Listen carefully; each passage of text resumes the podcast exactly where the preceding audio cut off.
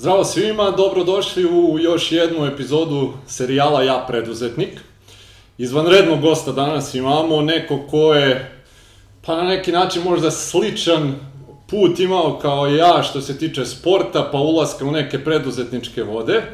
Osim što je on bio olimpijski šampion, e, vice šampion sveta, prvak Evrope, klubski prvak Evrope i ja ne znam više ni koliko pojedinačnih nagrada, tako da je to neka mala razlika između moje sportske karijere i njegove.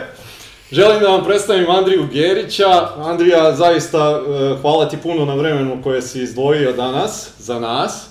Dobrodošao u naš serijal i hvala ti na dobrodošlici ovde kod tebe u tvoj, kao što mogu gledalci da vide, Andrija Gerić, sport, mental coaching. Hvala lepo, drago mi je da sam gostovao u ovakvoj jednoj emisiji koja baš nije sportska, nego se bavi nekim drugim temama. E, pa eto, e, e, za početak ovako ja ću da napravim uvod zašto smo želeli uopšte sa tobom da razgovaramo. Pre svega što, eto, imaš e, za ovo neko vreme nakon sportske karijere i, i preduzetnički neki staž, koji još uvek nije ni blizu ovaj, što se tiče sportske, ali je zanimljiv iz tog razloga što se baviš tim nekim stvarima koje su nama bitne i e, koje smatram da su za svakog preduzetnika nešto na čemu treba da radi, a to je taj isto mentalni sklop gore. E sad, pošto je neki ovaj, e, tradicija, da tako kažem, emisije, da se gosti uvek vrate onako na sam početak, ja ću tebe isto vratiti u 77. je li tako? ja, ovaj, ja sam 77. godište, da, i kao mali, nije meni bilo prvo opredeljenje uopšte sport. Uh, bio sam dosta dobar džak, išao sam na takmičenja, svirao sam čak i gitaru, išao sam na takmičenja iz gitare, iz matematike, fizike i hemije. Uh, roditelji su bili profesori na fakultetu i bilo je bitno da se bavim sportom, ali nisu ni oni mislili da će mi to biti životno opredeljenje. I negde, kako mi išla ta karijera, prošao sam sve selekcije tada u Vojvodini i došao sam do prvog tima već u srednjoj školi. I tada smo dosta putovali, dosta sam falio ovaj, u srednjoj školi, uspeo sam da upišem informatiku tad. I zato što je informatika bilo nešto što nije bilo puno vežbe i mislim da ću moći da, da to završim, mada je moja želja bila da studiram astrofiziku u Beogradu, jedino je tad bilo u Beogradu da radimo NASA. I onda nekako sam shvatio da, da ni, ni ću biti dobar u sportu, ni ću dobar biti na faksu, zato što uh, smo ipak imali vežbe i obaveze i desio se to da sam se te godine negde tamo već u oktobru povredio kako je krenuo fakultet posle tri nedelje, jer sam išao na treninge, a između treninga na fakultet. I to je bilo nemoguće. Tako da sam onda fakultet nekako stavio u drugi plan i onda sam igrao šest godina uh, ovde u Vojvodini. Uh, i posvetio se, da kažem, odbojci i onda sam 99. otišao u inostranstvo u Italiju i bio sam u Italiji 10 godina ukupno i igrao sam još u Grčkoj i u Turskoj, znači 12, 12 godina sam bio u inostranstvu, da bi se poslednje sezone vratio u Srbiju i opet u Vojvodinu, jer ja sam imao neki trip da mora taj krug nekako da se mm -hmm. završi. I ideja mi je bila da uđem u Ligu šampiona i da odigram još jednu Ligu šampiona i da završim. Međutim, te godine smo izgubili ovaj, u finalu od Zvezde i ja sam odlučio da završim karijeru. Imao sam i tad neki ponud da idem u Francusku, i, uh, ali već, pošto sam imao dvoje dece i nekako sam već počeo da razmišljam aktivno o tome šta ću da radim posle karijere, jer kod sportista je jako veliki problem to kad završi karijeru šta raditi posle. I ako se mhm. čovek ne pripremi dovoljno, postoje mnogi loši primeri poznatih sportista koji su bili top, a posle karijere su na neki način ne propali, nego što bi moj uvijek rekao, skrenuli su, skrenuli su sa šina. Mm -hmm. Ima neke šine i ti sad skreneš sa šina. I ja tako sam se pronašao u, u psihologiji, završio sam psihologiju i sada radim u stvari kao mentalni trener i, i pomažem sportistima da, da budu mentalno bolji i jači. Pored ovaj, zvanične psihologije, završio sam i razne neke uh, druge vrste praktične psihologije, tako da kažem, koje pomažu sportistima. Izvršio sam kod jednog danca, to je jedini, jedini trening uh, tog, to se zove NLP-a baš za sport, I taj trening je u stvari meni puno pomogao da se odlučim da, da radim sa sportistima. A pored sportista, radim, i, radim sa nekim firmama zato što su ljudi prepoznali da su principi, o tome ćemo vratno pričati danas, principi biznisa i principi sporta su potpuno isti. Uh -huh. I e, obično je dobro imati nekog ko e, vidi stvari drugim očima i gleda stvari iz drugog ugla. To je pogotovo interesantno u firmama gde su svi sličnih e, profila i slične, da kažem, e, obrazovne pozadine i oni su nekako naučeni da gledaju stvari na određen način. E sad ja tako sarađujem, imao sam i radio sam e, da kažem, te coaching sesije i sa nekim menadžerima ozbiljnim koji nemaju veze sa sportom, baš iz razloga što im je trebao neki uvid sa, sa druge strane. Ali u principu moj core biznis je vezan za sportiste, mada, mada radim i sa, sa firmama. Ok. E, evo da, da, da prođemo, to sad si spomenuo baš vezano za, za te neke principe koji su isti i u preduzetništvu, u biznisu i u sportu. Pa ako bi mogao da prođeš tako neke te ovaj faze, okay. šta je to što bi moglo da se pravi paralelno? Pa ako gledate sport, u sportu vi imate e, neki tim i u biznisu imate neki tim. U sportu vi imate neko ko vodi taj tim, to se zove trener, što bi odgovaralo nekom menadžeru.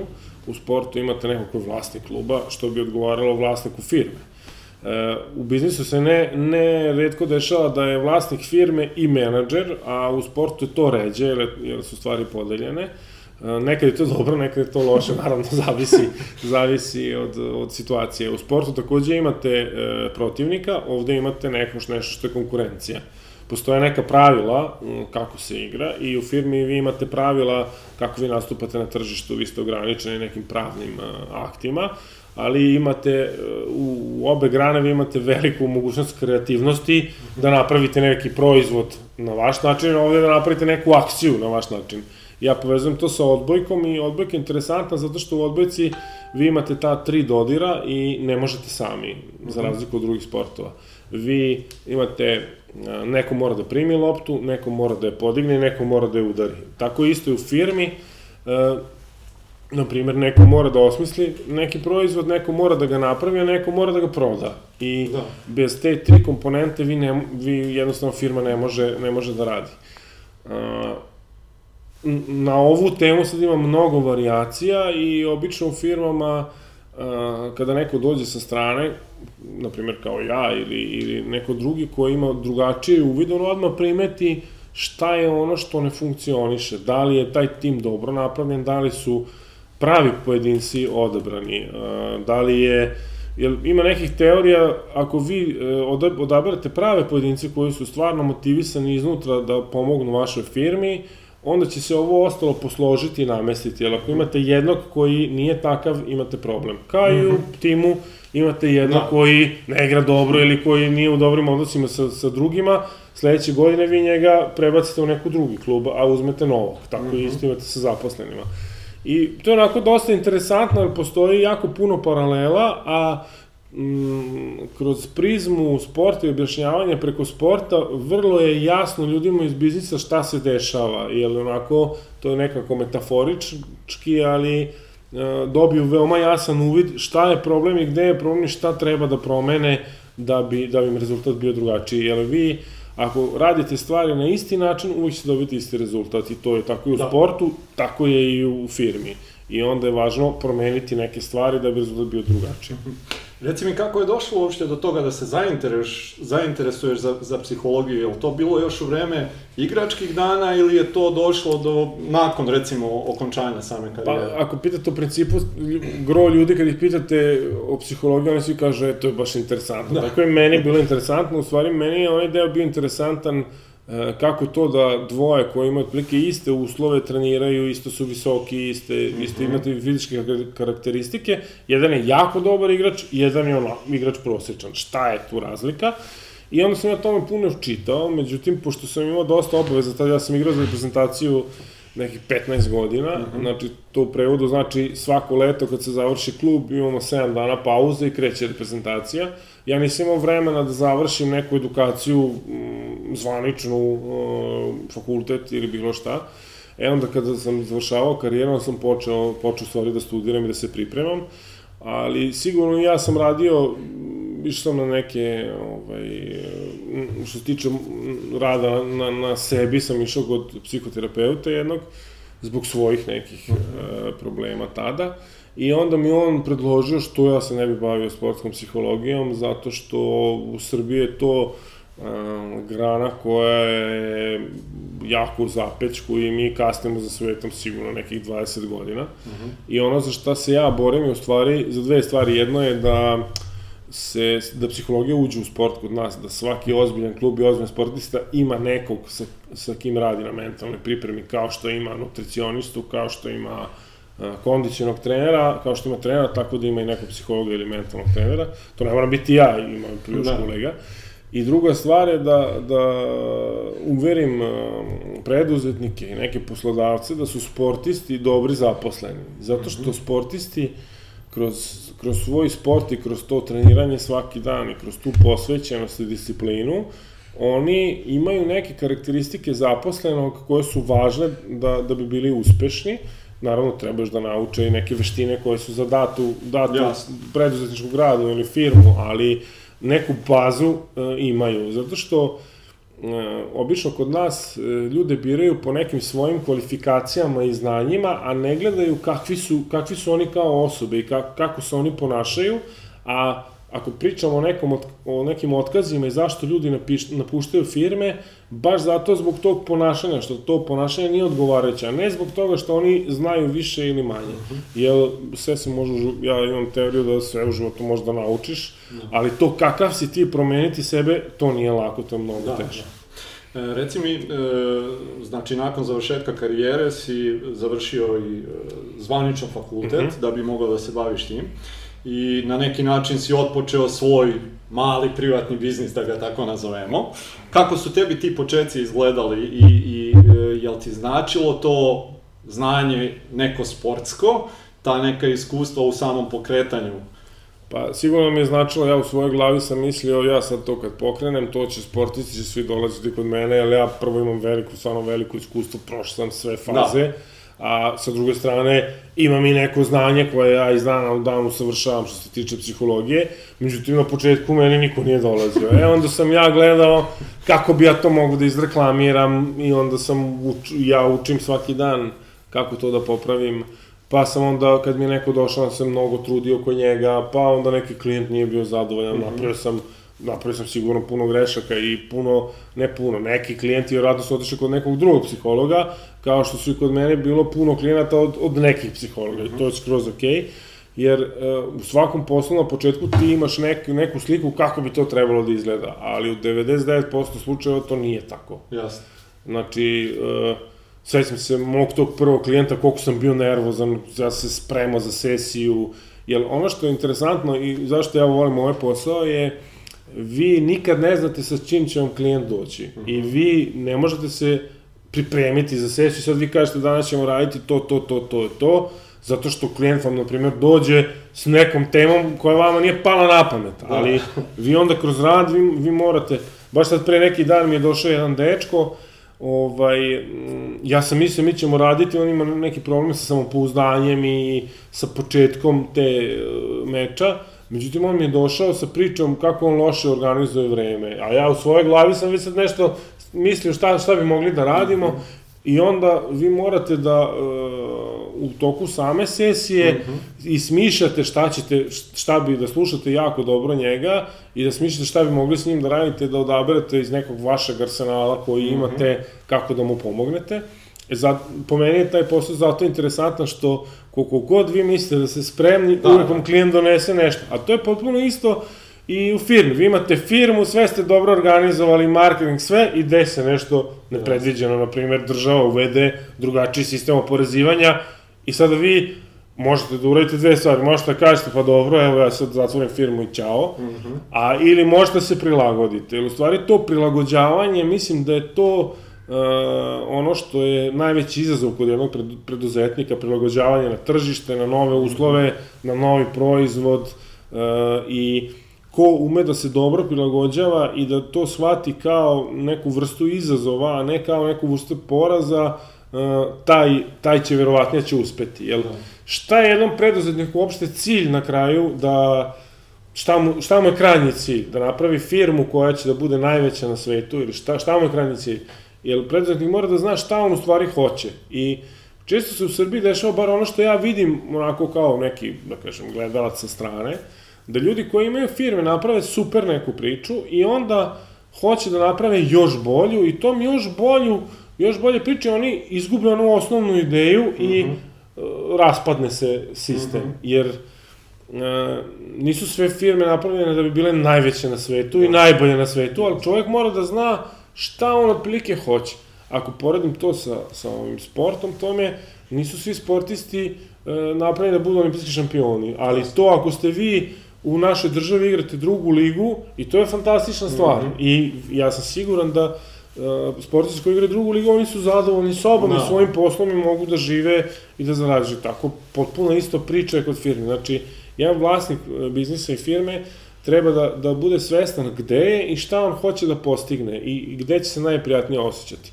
Ima onaj jedan vic ovaj, o, o Crnogorcu i Amerikancu, kad Crnogorac peca Crnogorac peca i sad kaže Amerikanac, pa zašto samo s jednom peckom što ne staviš tri, pa onda kad malo zaradiš kupiš brod, pa se više se trudiš, pa onda i na kraju sad svega toga, onda imaš ljude koji pecu za tebe, a ti sediš, ti ležiš i uživaš. Pa kaže on, pa ja i sad ležim i uživam, sad će mi taj ceo put. E, to je otprilike tako. Važno je da čovek zna šta on hoće i zašto nešto radi. I to je kako u sportu, tako da. i u biznisu. Mislim da, da je to nešto što generalno mi želimo i da prikažemo ovim e, serijalom i nešto što ja kroz isto kontakt koji imam sa, sa raznim preduzetnicima zahvaljujući svom poslu, e, uviđam sve više da e, ne postoji jedan pravilan ili ispravan put, ima ih mnogo i da to uglavnom zavisi od same osobe, od samog preduzetnika, znači nekome je možda cilj da ima tu jednu firmu koja je možda pet ljudi u kojoj radi, koja je tako mala, neko možda ima cilj da bude lider u Srbiji, neko možda da bude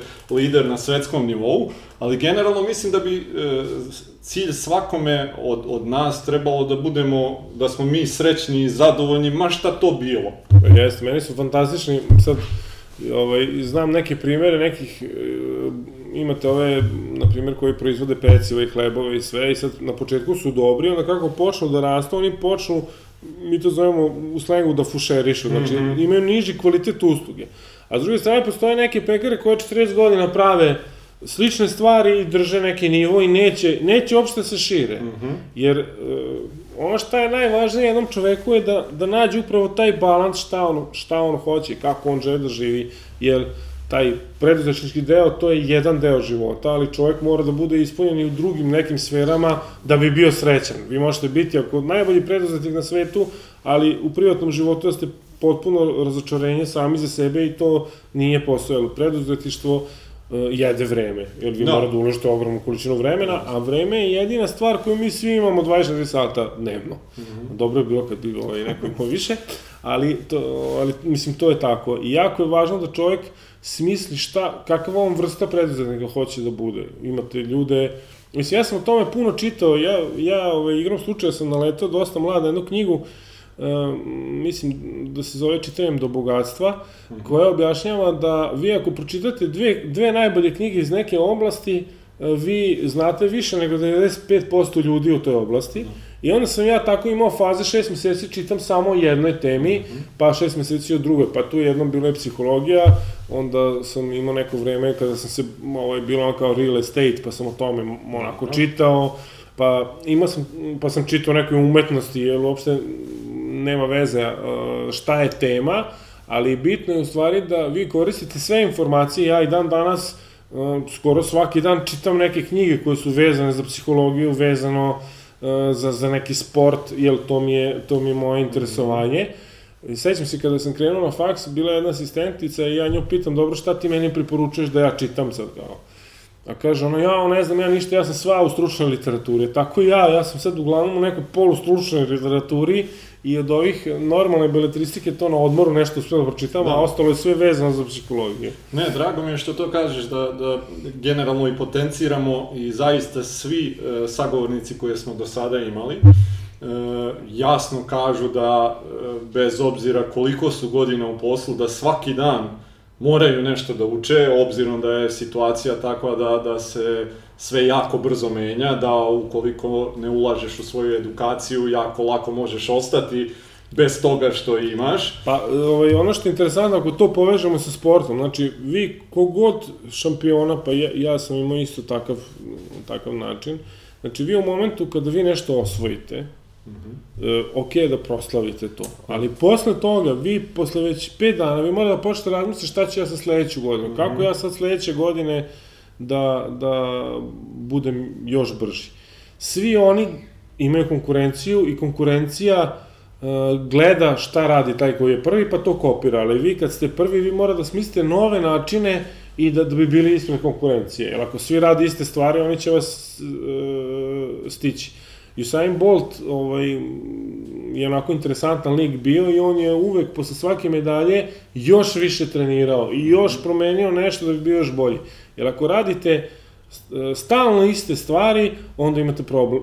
Imaćete problem u jednom momentu, ako ste da. mnogo bolje na početku, ne odmah, ali dugoročno sigurno ćete imati problem, jer će vam nešto, nešto ovaj, skočiti. I ako gledate firme, firme se na neki način razvijaju i vi i svaki dan učite nešto novo i učite kako, kako drugačije da, da, da organizujete ljude, jer najveća, nekada je to liderstvo i menadžerstvo se bavilo time da su u stara vremena su oni koji su bili najveći, ti su bili lideri, jer su oni se dobro borili.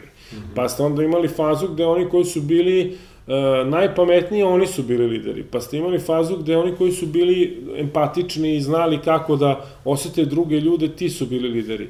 Ali sada se u stvari liderstvo svodi na to da upravljate ljudima, a ne da upravljate procesima. Jer ako dobro upravljate ljudima, ti ljudi će upravljati procesima na dobar način. Mm. I to je ono neko liderstvo tog 21. veka je vezano sve za ljude, da vi ljudima omogućite dobre uslove posla, da se oni osjećaju lepo kod vas i da budu zagriženi za tu vašu ideju i za tu vašu viziju koju vi imate. Jer bez toga, ako čovjek dolazi na posao, ja se sećam, um, ne znam, nekad mi se dešavalo u nekom klubu kad je neka bezvezna situacija, dođem na trening i ne trenira mi se ali onda pomislim zašto ovo radim. Ja sad se spremam, na primjer, da bi u reprezentaciji te godine imao olimpijadu i onda počnem da treniram. Jer jako je važna ta motivacija, šta je onaj vaš core motiv zbog čega vi radite. To ne može da bude samo novac, jer novac je dobar motivator za jednostavne poslove, ono kad nešto sklapate, da. pa ćete brže to raditi. Ali za o, bilo koji drugi posao mora da imate i vi e, neku vrednost u vama koja je povezana sa vrednošću firme ili sa vredno, nekoj vrednosti lidera i to je osnovna stvar. Kad se te vrednosti ukače, vi onda radite taj posao iz, onako iz sve snage, iz punog srca, mm -hmm. kao, da je, kao da je vaša firma. Mm I današnja neka uopšte e, politika firmi je da e, zaposleni dobijaju deo učešća u firmi u vlasništvu, baš zbog mm -hmm. toga da bi se osjećalo da je to njihovo. Jer kad je njihovo, kad je tvoje, onda se mnogo, trebalo bi da se više trudiš, mislim, trebalo bi da, da. mislim da, da, da je izvanredno to što si rekao, to zašto, E, koje na neki način i, i, i to pogonsko gorivo, pošto očigledno da, da e, svi preduzetnici imaju poteškoće maltene na svakodnevnom nivou, I ako je motiv samo novac pre ili kasnije, to jednostavno vi novac možete zaraditi na, na stotine da. načina, da. ali kada jasno na samom početku, i, i to je nešto na, na, na čemu insistiram i ja lično i, i većina iskusnijih malo preduzetnika kad razgovaraju sa mladima, da je to nešto što moraju da definišu na samom početku zašto oni uopšte to rade, I onda kad god najđe ta neka poteškoća, to zašto će ih terati da, da, da idu dalje. potpuno isto, potpuno isto u sportu i, i u principu e, preduzetnici koji imaju neku tu viziju, ideju, oni žele da naprave sistem koji će živeti i raditi posle njih kad oni odu u penziju, a ne dok su oni tu, je da. super da. kad oni odu, e, da bi napravili taj sistem, oni moraju da jako pažljivo da gledaju ljude i da budu, e, da budu otvoreni i da nauče E, te mlađe koji dolaze iza njih, da ih stvarno nauči da im daju sve što oni znaju. Jer, na primjer, u sportu vi imate, kada vi znate da izvedete neki udarac, ja kao mlađi, kada dođem da vas pitam, vi mi ne, obično ljudi ne, ne objasne, nego ti kao mlađi kradeš fore. Da. I sad, ja mislim da je jedna od mojih dobrih karakteristika bila kada sam bio sportista, to da sam baš jako dobro skidao šta drugi rade. Uh -huh. e, I i upotrebljavao to i, i to me je pomoglo da napredujem, jer svaki igrač, ako sad pričamo o zaposlenima i svaki menadžer i svaki kolega ima nešto u čemu je on dobar. I ti Mhm. ako, ako si otvorenog uma i ako hoćeš, ti možeš da, da skineš to njemu, kako on to radi i onda napraviš neku kolekciju tih super poteza ili super tih nekih radnji i onda si i ti, e, i ti napreduješ i ti si bolji. I to mislim da je jako važno i u svakom poslu vi morate i da gledate konkurenciju i da, da kažem, kradete od konkurencije. Ima ono, ja, ja to često koristim, ovaj, pametni ljudi kopiraju, genijalci kradu. Ako je nešto stvarno dobro, zašto to ideju ne, ne čapiti? Da, da, pa većina generalno kad pogledaš, većina e, zaista danas e, najpoznatijih svetskih firmi od Facebooka pa nadalje nije originalna inovativna ideja, već nešto slično je kao tako postojalo i to je opet sad jedna ovaj e, tema na kojoj zaista pokušavamo dosta da radimo, da imati ideju kao takvu da je dobra, to je skroz ok, ali onda nakon toga sam rad koji dolazi, koji je potrebno uložiti da vi tu ideju sprovedete zaista u delo, je nešto što zahteva i ogromno odricanje i što zahteva vreme i strpljenje, nešto kao slično i u sportu. Vi možete da zacrtate na početku sezone, hoćemo da budemo prvaci i to je da kažem neka ideja koja je super, ali sprovesti tu ideju Pa, onda... onda... tu ideju, to znači trenirati svaki dan i teretanu i znojati se i sve, pa uh, ono što je u sportu, to, mislim, i to je slično sa biznisom, 2 i 2 nije 4, nekad je 2 i 2 u sportu 16, a nekad je 2 i 2 minus 4. Jer zavisi puno od ljudskog faktora i zavisi od protivnika. Slična stvar je u biznisu, zato što vi u biznisu imate neku fantastičnu ideju koju vi mislite da je fantastična, ali kad ona krene da se realizuje, onda tek uviđate koliko tu ima problema i šta konkurencija radi. Ali to ne znači da vi treba da odustanete, mm -hmm. nego treba onda da, da se prilagodite i da napravite to malo drugačije i onda gurate to nešto drugo. Jer svaki, mislim, svaki dan uh, i svaka utakmica je priča za sebe, tako i u biznisu svaki dan i svaka ideja i svaki neki uh, proces od početka do kraja priča za sebe. I to što ste vi bili uspešni u prošloj utakmici, to ne znači da će biti uspešni ovde, mm -hmm. i ako se vi uljuljuškate na tim nekim prošlim uspesima, to je, to je prva stepenica ono na dole da. i, i ka padu. Znači vi mora da budete, trebalo bi da budete otvorenog uma, da gledate šta radi konkurencija, da znate šta vi hoćete, da imate tu ideju, da ste spremni da tu ideju modifikujete i da budete vrlo, da kažem, fleksibilni da bi e, postigli taj svoj cilj.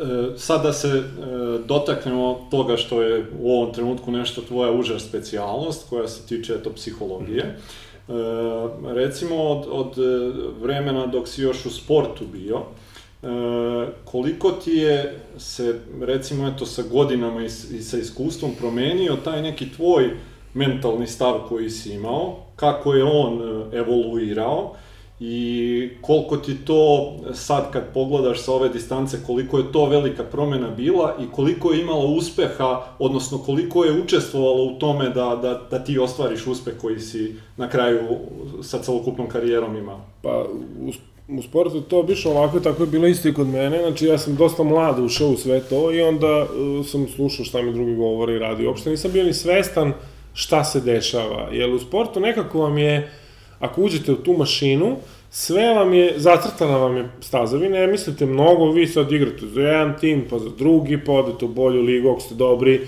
pa tako ide nekako redovno, ali onda, kada postanete stariji, onda, uh, uh, to kažu neki sportisti, počnem da doživljavam sport kao posao. Mislim da kad počnem da doživljavaš sport kao posao, onda je moment da izađeš iz toga, mm -hmm. zato što uh, to nije posao, to je nešto više. Ako vi vaš posao, ako ste vlasnik biznisa, doživljavate kao posao, to je znak da nešto nije u redu. Da ili ne radite ono što hoćete, ili nešto ne valja. I da, da morate da izađete. I ja sam prekinuo moju karijeru, mogu sam da igram još par godina, baš u tom momentu kad mi je to postao posao i kad mi ujutru kad se probudim i pomislim, pomislim a, trening, da. trening, ono, muka mi je, I onda sam ja, te poslednje sezone, ja sam odradio pripreme za tu sezonu i onda sam otišao kod ovaj, sportskog direktora i rekao, vidi, ja neću više da igram, hvala lepo, doviđenja, pozdravio se s momcima i gotovo. Mislim da je važno da, da tu neku, da, da imate tu unutrašnju vatru, da vi vama bude izazov što idete što idete da radite. Ima nekih dana koji su loši, Naravno. ali onda imate to vaše zašto i šta hoćete, imate porodicu, imate prijatelje koji su tu. Ali ima dana koji su super i to treba proslaviti i uživati i sve. Ali ima puno dana u kojim je ta borba. Vi treba da volite tu borbu i, ovaj, i, i da uživate u njoj. To je taj ne, neki taj mentalni stav. E, u sportu je dobro nekad biti malo i u budućnosti, jer ti sve radiš zbog tog nekog momenta u budućnosti. Mm -hmm. Meni kao odbekašu, ja sam uvijek bio fasciniran sportovima gde vi, na primjer, atletikom imate tri skoka. I sad vi s četiri godine radite za ta tri skoka, prvi skok, dune vetar, nešto loše, Da. stanete, prečepite, drugi skok, me, me, za mene je to onako jako malo vreme, ali neki ljudi to vole. Uh, ja sam više volao te neke loptačke sportove da ti imaš, da ti imaš više vremena, ali što se tiče tog mentalnog stava, znači, važno je da, da, da čovek s vremena na vreme malo zastane i da se zapita gde sam ja to sad, gde, šta sam do sve, da pogleda malo unazad, da vidi šta je do sad sve uradio, da pogleda i unapred, da vidi šta hoće da uradi i da vidi da li je na da li je na pravom putu, da li ide putem uh, A4 koji je smislio da će da ide, ili je krenuo na B18, ali nije ni svestan, jer danas se živi brzo i život neka komedija, i vi svaki dan imate neke nove akcije i sve, ali s vremena na vreme treba malo zastati i, i pregledati uh, šta smo do sad radili i šta hoćemo da uradimo i da li je to ono što mi hoćemo ili i vratiti se, da kažem, na pravi put. Zato i služe ti neki retriti i te neki team building, baš zbog toga da se malo stvari presabere, da se ljudi odu na, na drugo mesto i da se izdvoje i da razmisle o tim nekim da, abstraktnim stvarima, to vi, vi, nekim vizijama, svojim emisijama i zato današnje te firme, oni insistiraju mora da se ima vizija, emisija, e, to je važno da bude dobro definisano, da bi bilo iskomunicirano svima, ali važno je taj koji je, da kažem, glavni, koji je, je tu idejni tvorac, da on dobro zna šta radi, da on nekako, e, ako mogu tako da kažem, i drži sve konce, ali da su ti konci labavi, da pusti ljudi da rade, da rade ono što najbolje znaju, ali na neki način mora da drži sve konce da, i mora da, da gleda kuda, kuda ide ta firma. I da li je to, kuda to što on hoće. Jer ako nije, onda ili je vreme da proda firmu ili da malo okrene u tom pravcu. Sme. E, htio bih da, da se dotaknemo nekih po meni jako bitnih stvari za preduzetnika koje su opet e, nekako u, u paraleli sa sportom, koji se tiču isto strahova koje većina ljudi ima. Pa nekako većini e, mladih ljudi je e, ogroman strah da, da naprave taj prvi korak, da uopšte započnu sa, sa svim tim. Da li e, postoji, ajde to sad tako da kažemo, neki način na koji bi mogli oni možda u razgovoru sami sa sobom ili načinom razmišljanja koji imaju gore, koji bi mogao da im pomogne da, da ubrzaju recimo taj neki izlazak iz zone komfora koji je svima onako nekako e, problematičan, bar u tim nekim početnim fazama ranije, kad, e, odnosno kasnije, kad, kad jednom izađeš iz zone komfora, pa drugi put, pa treći put, to onda već nekako i, i postane dosta lakše. Ali ti prvi koraci zaista kad neko ima neku ideju i kad treba da napravi taj prvi korak, dosta ljudi E sad, da li je to možda strah od neuspeha, da li je strah možda od toga šta će drugi ljudi reći o tome, jesi li možda... To je, pa to je pove, povezano. Uglavnom mm -hmm. to strah od neuspeha i šta će drugi ljudi reći. Jer mi, e, kad je neko mlad, on jako puno zavisi od toga, ima, ima roditelje, ima, i mi smo tako i vaspitani da neuspeh nije nešto što je baš dobro. I niko ti neće reći posle neuspeha je super. Mm -hmm. I ti u tvojoj glavi nosiš to, ako ne uspemo, onda će nešto strašno da se desi. Uh, jedna od jednostavnih, i to se koristi u, i u terapiji se koristi, šta je ono strašno što će se desiti ako ta firma ili to propadne? Da. Jer kada počneš tako da razmišljaš i staviš u realne osnove, može da se desi da izgubiš neki, neki novac, ne da izgubiš, nego da, da utrošiš na nešto, nije donalo novac, ali sa druge strane, ti dobijaš jako veliko iskustvo i znaš sledeći put mm -hmm. kako ćeš drugačije da uradiš. Jer uh, to da, da vi nećete uspeti, ako poredim to sa sportom, vi kada učite, na primjer, da smečujete loptu, prvih 100 puta to ne liči ni na šta, ali 100 prvi put onako nešto podsjeća. Neki obris. I onda nekih 500 drugi, to je već dobro, ali to ne znači da će 50.000 prvi biti, uh, neće biti greška. Uh -huh. uh, kada vi prihvatite na to da sigurno nećete uspeti, ima tih statistika koji kažu da u prvih 5 godina, ne znam, 99% filmi se ugasi, ovaj, e, što se u tome da vi u vašem životnom veku treba samo jednom da uspete. I vi ako jednom uspete i namestite se, vi ste završili. Mm -hmm. Redki su ljudi koji, kojima to bude sa prvom firmom. Ja isto, kako da. sam organizovan sad, sad sam svestan gde sam pogrešio u radu, mm -hmm. sledeće godine drugačije da napravim ovaj posao, ali što si u tome što kada ste svesni šta je najgore što može da se desi, u stvari to je ništa. Najgore da. možete otvoriti drugu firmu koja da. će se zvati drugačije. I onda je čoveku nekako lakše. Važno je da čovek ima neku podršku, da li je to partner, partnerka ili roditelji koji će, na primjer, ja imam jednog drugara koji je tako u životu radio 7-8 stvari koje su potpuno različite. Mm -hmm. I bio je dosta uspešan u njima, sada se bavi nekom proizvodnjom, proizvodnjom nekog piva, ali ono što je, ja sam razmišljao što je on tako, kako je on, kako je on tako bio dobar u svemu što je, što je pokušao. On je uvek imao bezrezervnu podršku roditelja. Šta god da se desilo i koliko mhm. god bilo dobro i loše, roditelji su bili na njegove strane i oni su, mu, oni su ga gurali. Mhm. Znači, važno je da imate osobe koji su na vašoj strani koji veruju u vas, po mhm. meni, a drugo je da ste svesni da je, je, je treba samo jednom da uspete. I sigurno ćete imati veliki broj neuspeha. Neuspesi, kažu da ovaj, ne postoje neuspesi, postoji samo učenje, iz neuspeha učite. Naravno, dobro je imati neke uspehe, pa onda da bi imali to samopouzdanje, jer kad ne uspete 3-4 puta, onda već peti put vam je e, muka od svega. Ali shvatite to, kako shvatite to sve kao jednu igru, gde cilj igre je da samo jednom uspete. Kad jednom uspete, vi ste pobedili, uh mhm. -huh. a ostalo je sve učenje, onda je nekako, bar po meni, to mnogo lakše i uvijek se zapitajte šta je najstrašnije što može da se desi. Uh mhm. -huh. Uglavnom se te, ta, ta neka priča u glavi samoj razvije do tih nekih katastrofalnih razmera, gde na kraju ovaj to može da da završi onako kataklizmično. Pa, ali to je to je samo u glavi dok u realnosti ništa. Zatvorili ste firmu i tamo u APR-u ste izgub nije više taj broj, nego ćete imati novi broj, mislim kako je. Ali e, nekako e, generalno taj neuspeh se e, mislim da da je veći strah od toga šta će drugi reći nego što što samim ljudima to predstavlja neki problem. Pa drugi ljudi uvek imaju neke svoje komentare i ovaj to je njihovo pravo, svaki čovjek ima pravo na svoje mišljenje, ali važno je šta vi mislite. Znači, mi to u psihologiji uh, zovemo da li ste interni ili eksterni tip, u smislu da li ste, vi imate neke svoje vrednosti i znate šta radite vi ste uh mhm. -huh. interni. Ako pogledate sve te uspešne e, menadžere koji su vodili neku firmu, jesu oni slušali druge, ali oni su imali svoju ideju uh mhm. -huh. koju su gurali. Ta ideja je bila bluda i blesava i puno njih je reklo pa to je nemoguće, nema šanse.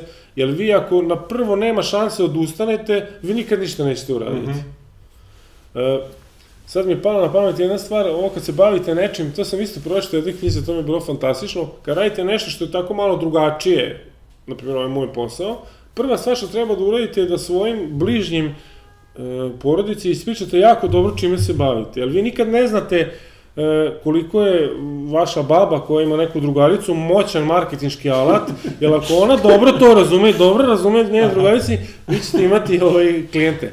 Tako da, e, kakva god da vam ideje, čime god da se bavite, prvo e, u vašoj porodici razglasite to da ja radim to i to. Jer ima u psihologiji jedna stvar, kada vi e, kažete na glas nešto, onda to ima neku težinu uh mhm. -huh. i to vas na neki način obavezuje uh -huh. pred mhm. drugima da se bavite tim i da. tim.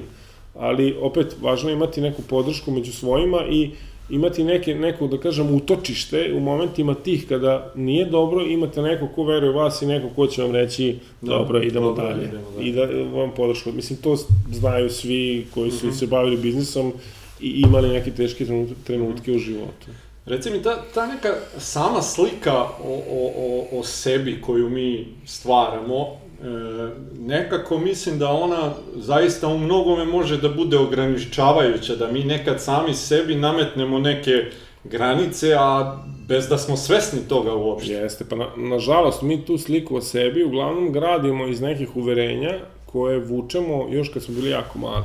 Jer mi kao jako mali uh, smo čuli od naših roditelja, od nekih velikih ljudi, za koje mi tad smatramo da su oni neka vrsta božanstva, jer oni, bože moj, sve znaju, mama je mama i tata je tata i ovo je ujak i on je ujak i sve.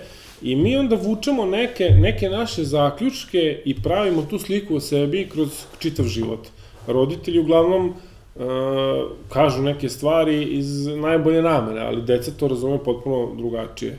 I ja sad sa mojom decom nešto, kad mi kaže čerka je, sećaš tata kad si rekao pre tri godine nešto, a ja uopšte ni ne sjećam kada je to bilo, ja sam to izgovorio usput, a njoj je to ostalo urezano u glavi i jako je važno, vi kad ste odrasli, da preispitate malo koja su ta vaša uverenja o vama. Uh mhm. -huh.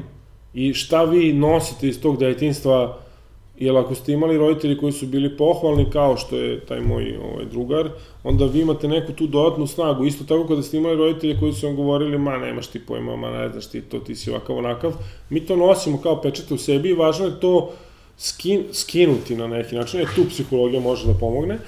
I jer e, vi možete postati šta god vi želite da budete e, u nekim realnim osnovama. Ja kao mali ja sam teo da budem astronaut, ali sam onda shvatio da više do svakog kila koja se podigne u svemir košta, ne znam, 2 miliona i ja sam ovoliko kila, ovaj, vjerojatno neće biti astronaut ili sve, jer to je nemoguće. Ali, ali o, ja stvarno duboko verujem da čovjek može da postigne sve ono što želi. Možda neće postići u toj meri, ali ako jako uporno radi i trudi se, na kraju će doći tu negde. Uh mhm. -huh. Samo treba biti uporan i treba biti disciplinovan i treba, u stvari treba imati motiv. Morate imati neki motiv, neko svoje zašto. Obično u sportu ko uspeva u današnje vreme su um, dece i ljudi koji dolaze iz nekih manjih sredina. Mm -hmm. Zašto? Zašto oni znaju, ako ne uspeju tu, oni se vratiti tamo mm -hmm. i onda to ih onako motiviše, drži, motiviše. Plus, e, malo mi kao roditelji današnji, mi smo malo razmazili svoju decu da mi svi njih pazimo i ugađamo da. i sve. I onda oni nemaju tu dimenziju te neke borbe, jel, jel uopšte i preduzetništvo i, i biti na tržištu, to je neka vrsta borbe gde ti moraš da si spreman. E, da, spreman u smislu da imaš neki proizvod, da imaš neke kvalitete, da imaš tim i da se upustiš u borbu sa konkurencijom, pa ćeš vidjeti gde si. Uh -huh. e, vezano za tu sliku o sebi, postoji li možda neki način na koji mi sami sebi možemo evo, da... Evo, ima jedna da jednostavna, jednostavna tehnika, ovaj, uh, e, na primjer, ako vi razmislite o tome kako vi sebe doživljavate i ko ste e, vi sebi, kako vi sebe vidite, ono kad ste bili malo manji, kad ste imali, ne znam, 7 godina i 10 i 15, bilo je nešto u vama što, kako, kako vi sebe doživljavate. To može da bude neka slika, može da bude neki simbol, može da bude šta god. Jer jako je važno da otkrijete ko ste vama vi. I kada, kada to znate, onda na tome može da se radi. Naprimjer, ja imam neku, neku sliku sebe u nekoj pozi i to sam ja sebi kao, kao, ovaj, kao bivši sportista. Kao psiholog imam nešto drugo. Uh mhm. -huh. Ali na nekom nesvesnom nivou naš mozak eh, napravi neku neku sliku ili neki prizor što zna da si to ti. To je nekad u nekad nekim ljudima je to u tebi, nekad je van tebe, nema veze, ali važno je da znate kako sebe doživljavate. Jer ako to znate, onda tu možete da vidite da li nešto baš nije nije baš najbolje za vaš mm -hmm. za, za posao. Mm -hmm. Neko doživljava sebe kao neko malo dete, neko doživljava mm -hmm. sebe kao neki predmet, neko doživljava kao životinju, neko, šta god, nije uopšte važno, -huh. ali preko toga možete da vidite da li je to odgovarajuća slika za ono što vam treba. Jer ako nije, onda na tome treba da se radi. Uh -huh. Okay. Moram probati to ovaj, prvom prilikom. E, hteo sam da vidim sad e, nekako pritisak koji dolazi baveći se preduzetništvom je postala ono gotovo svakodnevnica. Pogotovo kako se i firma razvija i raste i onda je samim tim i ulog sve veći. E, pritisak od donošenja odluka je nešto što je, eto, ovaj, maltene na, na svakodnevnom nivou. Zanima me sa te, ajde da se vratimo prvo u, u, u tvoje igračke dane, uh -huh. obzirom da si odigrao ogroman broj jako važnih utakmica, kako si se nosio sa tim pritiskom tada, a kako sad gledaš na taj pritisak sa ove distance, znači i kad imaš to neko dodatno iskustvo rada kao psiholog i kakvi su tvoji neki saveti recimo koje bi ovaj mogao da možda ponudiš ne moraš puno. Pa ne, ovaj, u principu ti saveti generalni, to je teško dati, zato što, zato što oni ne postoje, svaki čovjek je različit, ali e, taj pritisak, to je u stvari e, trip u glavi, jer pravi, šta znači pravi pritisak i na utakmici, ja se uvek trudim sa mojim klijentama i to sam se trudio kao igrač, da e, oni shvate da ti na utakmici treba da radiš neke stvari koje vežbaš hiljadama ponavljanja i koje ti dobro radiš. Uh mhm. -huh. I da staviš sa strane to neko okruženje i da se ti fokusiraš na šta je ono što ti treba da radiš.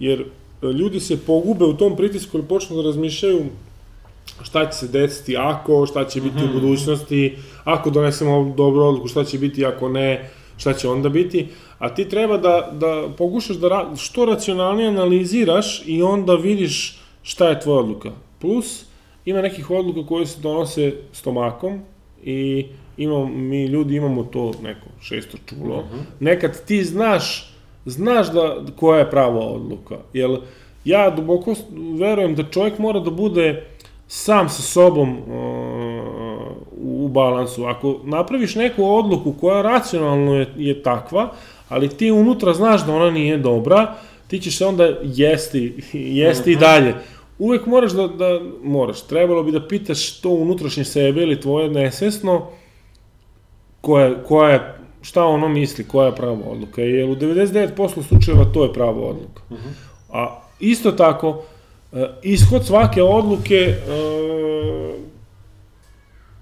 zavisi šta će biti, neka će biti dobar, neka će biti loš, ali ka, šta su katastrofalne odluke? Vi ste i sutra je novi dan, ako to napravim paralelu sa sportom, znači bilo je mečeva koje smo mi gubili, e, bili smo četvrti, to je najgore kad si četvrti, da. I ti to veče, znači nije ti ni do čega, ni do odbojke i kažeš sebi od sutra neću više da igram. Međutim, sutra svane novi dan i onda ti nađeš, opet nađeš neki motiv i kažeš, ma dobro, aj sad za sledeći put ću da, da uradim to mhm. drugačije. Isto tako, po meni i u poslu, koliko god da je odluka katastrofalna i imaju neke posledice, uh, u jednom momentu će to stati. Najgore što može desiti da zatvoriš firmu, ali on će otvoriti neku drugu bolju, mislim. Uh mhm. -huh. Ali u jednom momentu će to stati sa to, uh, kad stane, on ćeš biti pametniji. Jer, opet ponavljam, vi treba samo jednom da uspete, jednom da namestite stvari. Kad jednom, uh, kad jednom uspete, vi ste onda okej. Okay. Uh -huh. Mislim, što se tiče zarade i svega. Uh -huh. I sad onda je pitanje da li hoćete da nastavite se bavite tim, imate ljudi koji kad nešto naprave, ja sam baš radio s jednom devojkom, ovaj, ona se bavi nekim malim sportom i ona je bila svetski prvak. I onda je smisla, hoću da budem svetski prvak još jednom, da potvrdim da kao nije bilo slučajno, i sad ona će se bavi nekim drugim sportom. Jel, ovo je kao prešle nivo. ovaj, mislim, ljudi imaju različite pristupe. Vi prvo treba da otkrijete to, šta je vama, zašto vi to radite, šta vi hoćete i onda to da gurate. I da, Odatle i dođe sva motivacija. I odatle dođe sva motivacija. Onda posle vi možete se baviti jednim, pa onda posle se bavite nečim drugim, jer samo mhm. prebacite ove vaše veštine u nešto drugo, a ostalo naučite. Neki ljudi vole da rade stalno isto, neki ljudi vole da stalno menjaju. Uh mhm. -huh. e, jako je važno upoznati sebe i znati u stvari kakav sam ja, jer onda možeš biti u balansu i sa svojim poslom i sa onim šta radiš, sa tim kakav si ti, kakav si ti. I mislim da je to poenta. Jer ako radiš neki posao koji odgovara tebi, to onda više nije posao, nego je da. uživanje. I to je poenta. Da. To je nešto, e, evo imamo na, na, na Facebooku imamo e, našu grupu mhm. -huh. koja je baš onako posvećena za te neke diskusije ovaj, oko samog preduzetništva i dosta zaista mladih ljudi imamo koje e, zanima, e, bavili bi se preduzetništvom, ali još uvek nisu tu gde, gde, gde imaju neku ideju šta bi da rade. I neki generalno savet koji pokušavamo da, da im dajemo je da, da prvo vide šta je to što vole da rade, pa onda da krenu u sve to, jer ako nema te ljubavi, ako nema e, da, da vi svaki dan, bez obzira da li morate da radite, eto nekad u preduzetništvu i 20 sati radni dan nije Da, da, da. to ako gledate, kako si rekao, samo kao posao, kao i sa sportom, kad je došlo da bude posao, to onda već Onda više se nije to. Pa ja imam jednu vežbu, to sam, kad sam radio s nekim srednjoškolcima, to koristim, a, a to je jedan filozof, ne znam tačno kako se zove, je, postavi, treba postaviti sebi pitanje da nema para na svetu i da novac nije bitan, da, Mhm. šta bi vi radili onda? Znači, da vam novac nije uslov da treba bezbiti, ne znam, stan, hranu, ovo ono, da to sve imate, znači da ne postoji novac kao, kao pojam, čime bi se vi bavili? Jer onda kad krenete od toga, onda u stvari dođe ono šta ja hoću da radim. Mhm. Jer vi, šta god da hoćete, da vam je nešto najjednostavnija neka stvar, koja drugima izgleda bez veze, vi ako ste najbolji u tome, u, na primjer, vi bi trebali da šetate kerove ovaj, vlasnicima. Ali vi ako ste najbolji šetač pasa, vi ćete sigurno imati posle dobro ćete zarađivati. Mhm. Je, a, a najbolji ćete biti samo ako je to nešto što vi zaista iz istinski volite. I vi, kada odete u neke firme i razgovarate sa nekim preduzetnicima, vi tačno vidite da li oni imaju taj sjaj u oku ili nemaju. Da. Jer ako imaju taj sjaj u oku, onda rade pravu stvar. Kad, kad se sjaj u oku izgubi, onda ili menje firmu, ili Da. menja, i, menja branšu, mislim.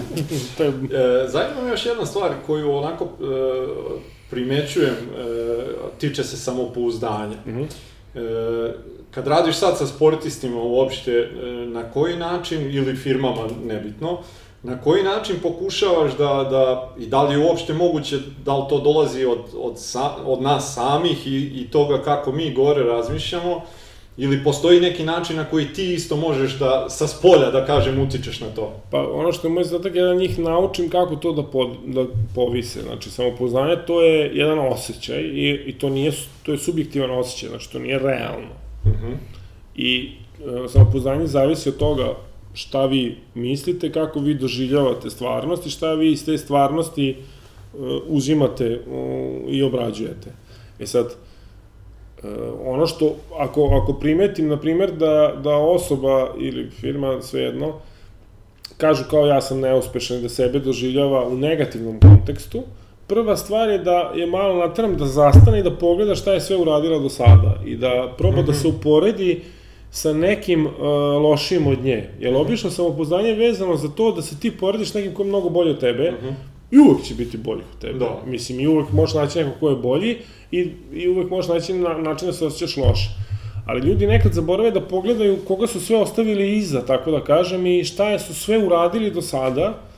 Baš sad, ovaj, pre neki dan sam imao jednog dečka, uh, on se, se bavi ovaj, odbojkom i on tako nešto upao u neku vrstu krize kao ja sam trebao do sada da budem tu i tu i da igram za takav takav klub, ali eto napravio sam lošu odluku i nisam i sve. I onda sam ja malo ga malo sam ga vratio unazad, da on shvatio da je bio u reprezentaciji za tim mlađim selekcijama, da je igrao dobro, koliko njih je otpalo od tih svih selekcija, uh -huh. jer da on stekne utisak, u stvari da dobije to ja, ja vredim, ja nešto vredim. Jer to je prva stvar, ti moraš u sebi misliš da misliš da nešto vrediš i to samopouzdanje je bazirano na tome. Uh -huh. I A onda posle, onda posle kad je rekao je bo, kao bolje mi je bilo danas na utakmici, zato što ti možeš da odabereš o čemu ćeš da razmišljaš i kako ćeš stvari da gledaš. -hmm. Ćeš da gledaš kroz uh, crne naočare ili ćeš da. da gledaš kroz bele naočare. E sad, nekad je dobro gledati kroz bele, nekad kroz crne, ali ljudi se tu pogube i, i ja sam tu i psiholog je tu neko ko ti malo pomogne da pogledaš stvari na neki način koji je najbolji za tebe. Jer uh, spoljašnje dešavanja su samo dešavanja, a to kako mi njih razumemo, mm -hmm. to zavisi od tih kako, koje naočare koristimo i svašta nešto mm -hmm. to još u glavi, ali mi to možemo da podesimo u zavisnosti od onoga uh, za šta nam treba.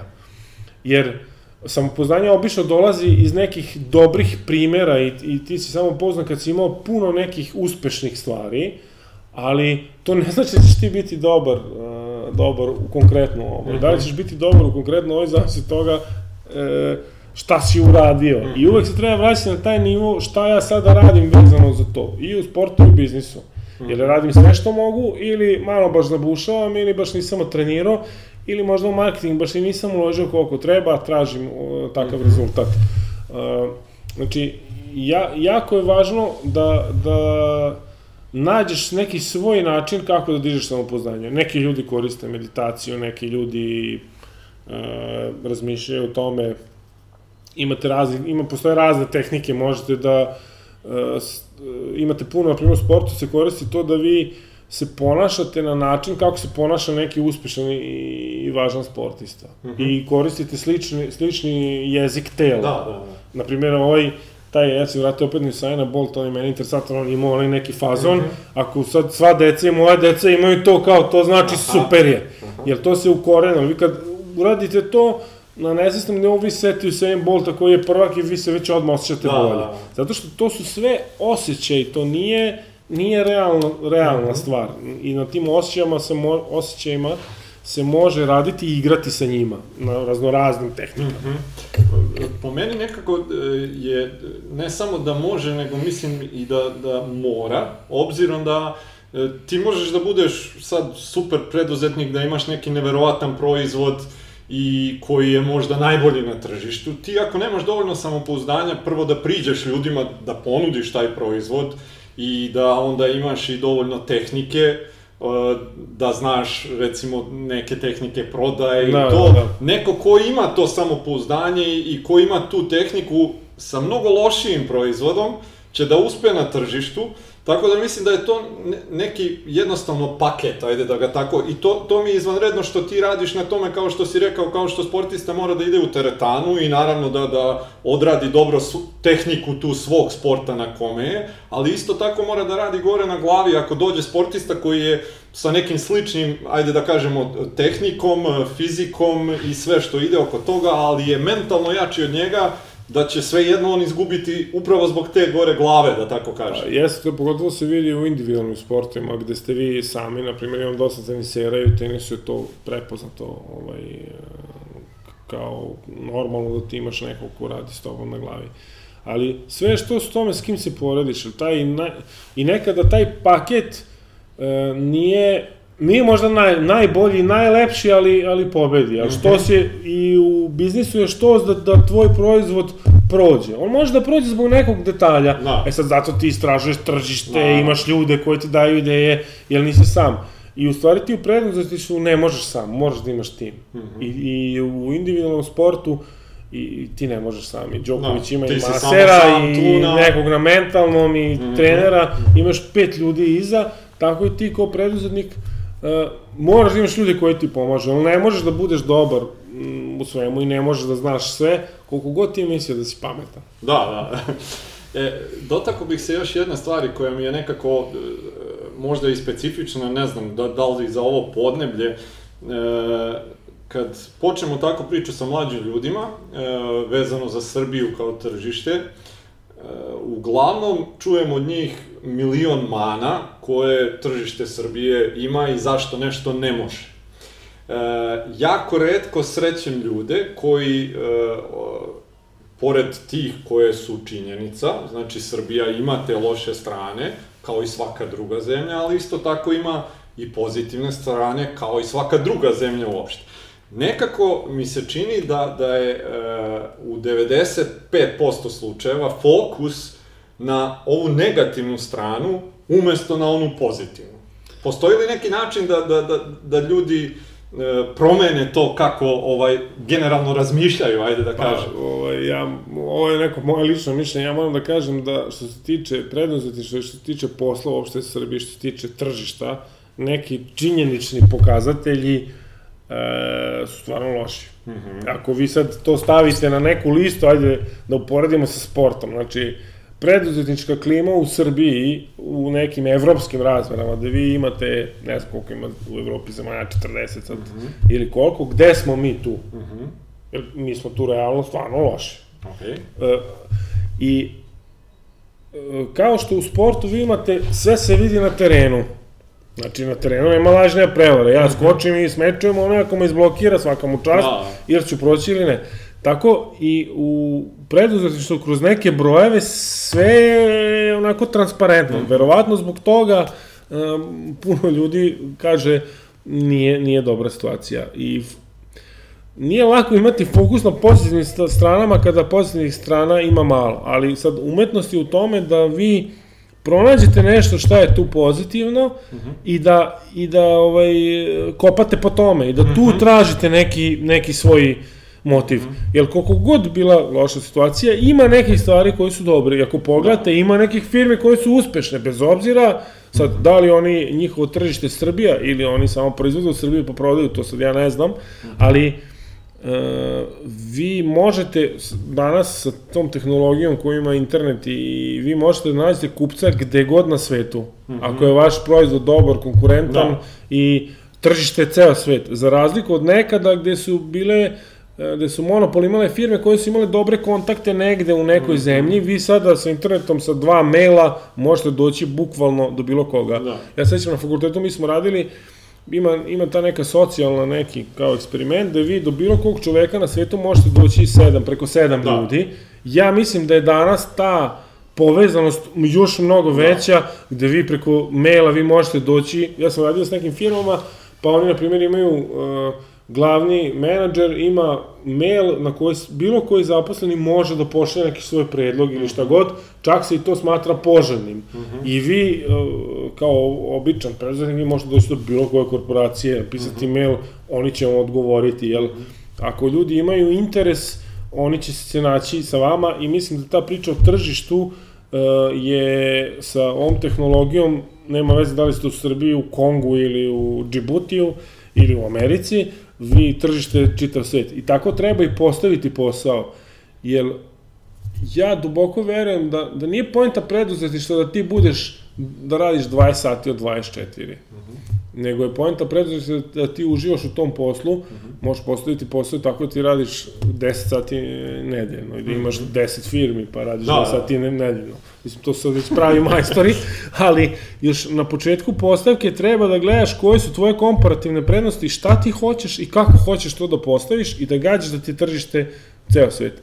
Činjenica da u Srbiji, mislim, e, ljudi nemaju, nemaju para, to jest ne postoji da, višak, moć, da. kupovna moć, to je onaj ekonomski pokazatelj i ne postoji neki višak i vi ako pravite neki proizvod, to ili će biti jako skupo ili će biti jako jeftino, sredina ne postoji, ali to je Srbija ali imate svet i internet i Tako. prodavnice i... Ali svakako je da Srbija onda sa druge strane omogućava recimo e, da možete taj proizvod da napravite po dosta jeftinijoj ceni. Zato što je jeftinija radna Tako. snaga, zato što nemate... To su, to su neke, kažem opet, e, e, uglovi gledanja gde vi imate e, negativne i imate pozitivne. Mislim da čovjek mora da se, e, da čovjek mora se pripremi da pogleda šta njemu zakonodavac dozvoljava i u okviru toga, na primer, ja sam imao priliku da budem na, na nekom pane, panelu gde je bio čovjek koji se bavio poljoprivredom, koji je otvoreno rekao, ja E, dok nisam napravio firmu u inostranstvu i došao kao strana firma, da, da. ja nisam mogao da uspem. Da. Kad sam došao kao strana firma, naša država daje, da. daje e, beneficije stranim firmama, beneficije. kao ulagaču, mm -hmm. Onda mi se sve otvorilo. Mm -hmm. po meni, kao i u sportu, dozvoljeno je sve ono što nije striktno rečeno da nije dozvoljeno pravilno, zato postoje pravila. I vi treba da budete kreativni i da nađete način u okviru pravila kako ćete imati najbolji položaj? Uh mhm. -huh. Jeste da, da Srbija, da je ovde jeftina proizvodnja i mi u stvari, ono što mi nudimo je, je jeftina proizvodnja, ali nije poenta da Srbija bude na kraju uh, zemlja, ne trećeg, nego četvrtog sveta, gde svi zarađuju nešto jako naravno, malo, nego to treba polako sad da se podiže. Naravno. E, za kraj ovako neki tvoji saveti koji se sad baš struke tiču, koje bi smo mogli da damo onako, ajde možda više da se fokusiramo na mlade ljude koji razmišljaju obzirom da pretpostavljam da ova, ovi stariji preduzetnici već imaju neke svoje mm -hmm. ovaj, dovoljno iskustva i neke svoje strategije i da su već negde oformili taj mentalni stav gore. Šta je to što bi ti rekao mladim ljudima koji nas gledaju i koji razmišljaju o, o, o osnivanju i pokretanju nekog posla, kakve bi im savete ti dao koji se eto sad tiču baš onako te psihološke strane? Pa prvi savjet je da krenu, zato što ljudi od tog šta ću, kako se tog premišljenja. Ti uh, treba skočiti u vodu, pa kreni da plivaš onda. Nauči, nauči malo o plivanju, ali skoči u vodu. Ti ako, ako si stalno sa strane i razmišljaš šta ćeš, a ne kreneš, onda se ponašaš drugačije. O, ni, da je lako, nije lako, mm -hmm. ali ovaj, kad je lako, onda mi je interesantno. Da. Ali važno je početi. Ja, na primer, ako imam puno kolega psihologa koji me pitaju pa kako ovo, pa kako ono. Ja kažem, počni da radiš, pa ćeš onda steći iskustvo, pa ćeš videti. I budi, budi fleksibilan da se namestiš drugačije.